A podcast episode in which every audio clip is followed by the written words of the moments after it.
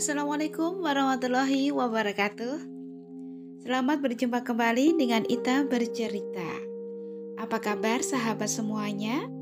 Semoga senantiasa sehat walafiat ya. Bagaimana tidurnya semalam? Nyenyak atau ada apa-apa? Wah, bahaya ya kalau ada apa-apa. Cerita misteri yang saya bacakan ini bukan untuk menakut-nakuti loh. Justru saya ingin sahabat yang mendengar kisah ini menjadi biasa-biasa saja dengan mereka yang ada di alam goib. Gitu ya, jangan dibalik. oh ya, siaran ini juga bisa dinikmati di linimasanews.com. Inilah cermis hari ini. Suara-suara di bekas rumah sakit. Kisah ini saya alami sekitar 15 tahun yang lalu. Wow, zaman saya masih muda belia banget. Saat itu saya merantau dari Jawa menuju negeri seberang. Iya, negeri Upin Ipin. Sebelum sampai sana, saya tinggal di rumah penampungan. Alamatnya di Jalan STM Polonia, Medan. Mana nih warga Medan pasti tahu ya. Saya dan calon pekerja tinggal di rumah pemilik yayasan. Kami memanggilnya Pak Haji. Rumahnya besar sekali. Ada tiga gedung membentuk letter U. Halamannya luas. Rumah utama bagian depan menjadi tempat tinggal Pak Haji dan keluarga. Kami menempati dua gedung di belakang sisi kiri dan kanan rumah utama. Waktu itu saya sampai di sana sekitar jam 10 pagi. Berkenalan sebentar dengan penghuni lama, lalu istirahat. Saya pun ditunjukkan ke tempat tidur. Kamar saya berada di gedung sisi kiri, sebut saja gedung A. Gedung itu memanjang, begitu membuka pintu, tampak ranjang berjajar rapi di sisi kanan kiri. Ranjangnya terdiri dari dua tingkat. Satu ranjang bisa untuk dua orang.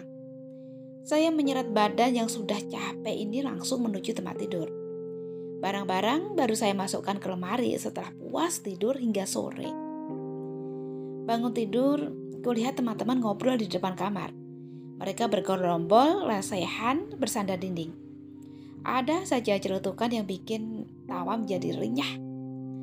Para pekerja keras, mereka itu yang diberi gelar pahlawan devisa. Katanya begitu. Malam hari pun tiba.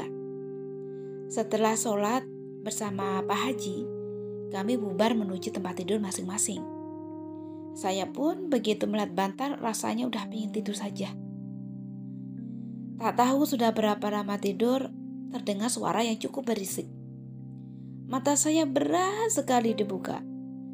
Antara tidur dan terjaga susah dibedakan. Sayup-sayup ada suara kaki berlari. Satu, dua, oh, beberapa langkah kaki. Batin saya saat itu kesal bukan main. Sudah malam kok ya masih ada yang belum tidur. Mengganggu saja bukan? Langkah kaki itu tak lama kemudian disusul suara roda berangkar. Jelas sekali suaranya. Iya, berangkar yang biasa digunakan di rumah sakit itu loh. Nah, Suara itu seperti berangkar yang didorong kuat oleh beberapa orang. Langkah kakinya juga masih sama, banyak. Saya berusaha istiqomah untuk tidur. Tak lama kemudian suara menghilang. Esok paginya saya cerita pada teman-teman. Penasaran, siapa sih yang malam-malam berlarian berisik? Mereka saling bertatapan. Semua sudah tidur jam 9 malam. Loh, Lalu suara siapa semalam itu? Dan seseorang calon pekerja yang sudah lama di situ tiba-tiba nyeletuk. Ehm, begini ya, aku kasih tahu ya. Ini kan dulu rumahnya dulu tuh uh, rumah sakit. Saya bengong. Apa hubungannya coba? Tak lama kemudian mengalirlah cerita macam-macam kejadian di tempat ini. Ya, saya antara percaya dan gak percaya sih. Dua bulan kemudian, sebagian besar calon pekerja sudah mendapatkan pekerjaan. Kamar tempat saya dan teman-teman yang di gedung A itu sudah lumayan sepi. Jadi saya minta pindah kamar. Minta disatukan dengan kamar para gadis. Saya pun pindah ke gedung B. Posisinya di pojok area yayasan.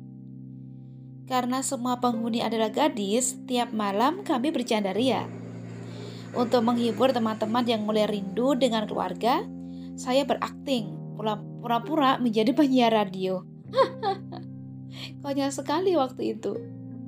Tentu saja siarannya di kasur. Mereka berpura-pura mengirimkan salam dan meminta lagu.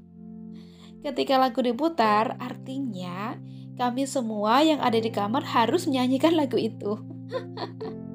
Sungguh memori yang mengesankan sekali.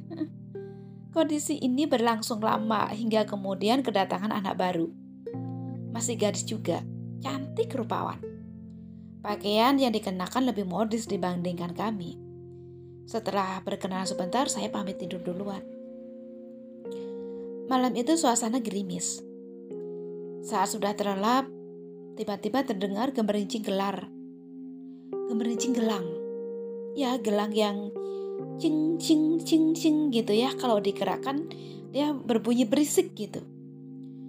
Lagi-lagi saya tetap berusaha pokoknya harus tidur saja. Ogah membuka mata dingin dan sunyi sungguh annoying sekali ya kalau harus bangun tengah malam. Gemerincing gelang semakin keras. Lalu terdengar juga suara mainan anak-anak.